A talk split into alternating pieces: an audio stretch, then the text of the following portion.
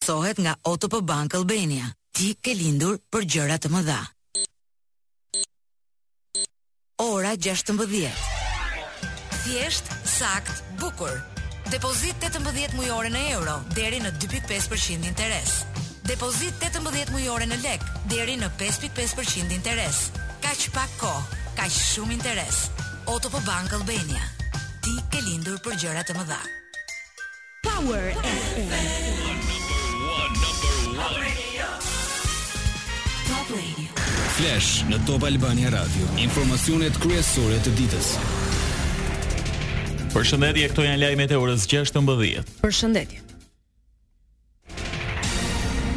Ish-ministri i Ekonomisë Arben Ahmetaj po shkon drejt arrestimit. Prokuroria e Posaçme kundër Korrupsionit dhe Krimit të Organizuar kërkon t'i hiqet imuniteti i deputetit. Kërkesa e SPAK-ut ka mbërritur në Kuvend. Pritet që Këshilli për Rregulloren, Mandatet dhe Imunitetin të mblidhet nesër në orën gjashtëmbëdhjetë për të shqyrtuar kërkesën. Ish-ministri Arben Ahmetaj mund të shkojë dhe të flasë duke kundërshtuar ose të heqë dorë nga mandati dhe në këtë rast Këshilli vetëm sa certifikon kërkesën e Prokurorisë së Posaçme.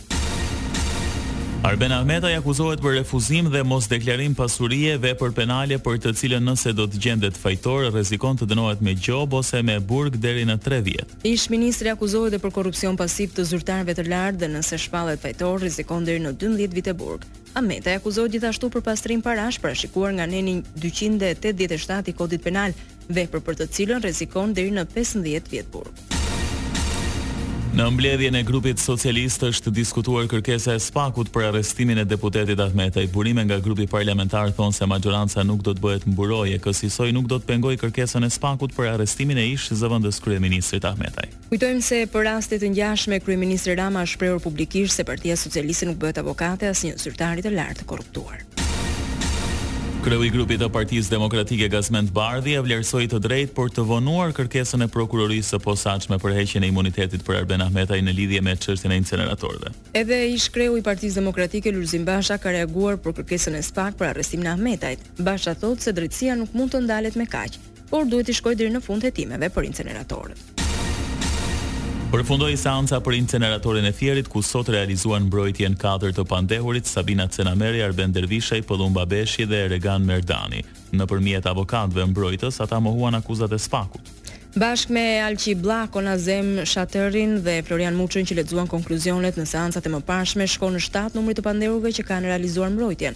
Ndërkohë mbeten dhe tetë të tjerë, përfshirë dhe ish-ministrin Lefter Koka. Seanca e radhës u la më njëzet e katër korrik, ora dhjetë. Kur kanë kaluar pesë ditë nga dhuna barbare ndaj dy banorëve të Borizanës, familja Maja nuk ka gjetur ende qetësi. Ndërkohë që dhunuesit e Bilbil e Jashar Majës janë ende në liri, familjarët e tyre vijojnë të kërcënohen me mesazhe në rrjetet sociale ku u thuhet se dhuna për ata është pak dhe hapi i radhës janë armët. Këto mesazhe janë dorëzuar në Policinë e Fushë-Krujës dhe pritet që Prokuroria e Tiranës të nisë hetimet. Mesazhet janë dërguar me adresa false, të cilat po hetohen nga agjentët e krimit kibernetik.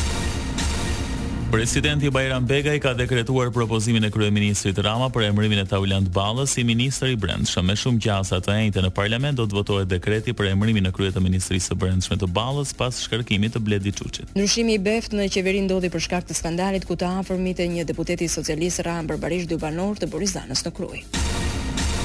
Pranga administratorit të pjesës së plazhit të Vilë-Bashtovës në Gosë të Rrogozhinës ku dje u mbytën një pesëdhjetë vjeçar dhe dy djemtë e tij trembëdhjetë e pesëmbëdhjetë vjeç. Policia arrestoi një tridhjetë e katër vjeçar i akuzuar se nuk kishte marrë masa për sigurimin e jetës së plazhistëve dhe nuk garantonte shërbimin me vrojtues plazhi gjatë gjithë kohës Po ashtu, në pjesën e marrë me qira nga Bashkia Rrogozhinë mungonte sinjalizimi dhe kufizimi me bova i hapësirës ujore.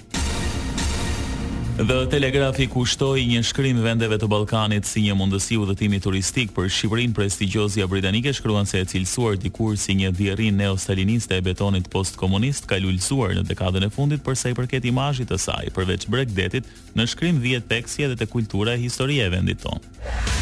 Lajme nga bota.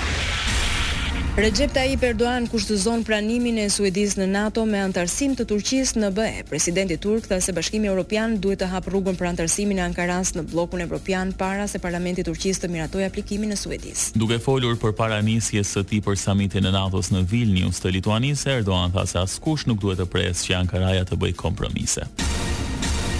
Zëdhënësi i Kremlinit, Dmitry Peskov tha se presidenti rus Vladimir Putin u takua me Yevgeny Prigozhin, kreun e grupit privat mercenar Wagner më njëzet e nëntë qershor. Takimi ka ardhur vetëm pesë ditë pasi grupi kishte marshuar në rreth dyqind kilometra larg Moskës në një kryengritje të shkurtër. Peskov tha se takimi ishte pjesë e një mbledhjeje treorëshe ku po merrnin pjesë tridhjetë e pesë persona, përfshirë komandantët e njësive Wagner. Ai nuk dha detaje se ku ndodhet aktualisht Prigozhin. Shiu i rrëmbyshëm ka goditur Japoninë jugperëndimore duke shkaktuar përmbytje dhe rrëshqitje dherash. Dy persona humbën jetën dhe të paktën gjashtë të tjerë figurojnë të zhdukur. Më shumë se një pikë shtatë milionë banorëve në zonat e prekura u është kërkuar të lënë shtëpitë dhe të strehohen diku tjetër. Parashikimi i motit. Edhe në vijim, vendi ynë do të ndikohet nga kushte atmosferike të qëndrueshme. Moti parashikohet i kthjellët në pjesën më të madhe të territorit dhe me vranësira të pakta në zonat malore dhe në jug. Temperaturat variojnë nga gjashtëmbëdhjetë në tridhjetë e gjashtë gradë Celsius.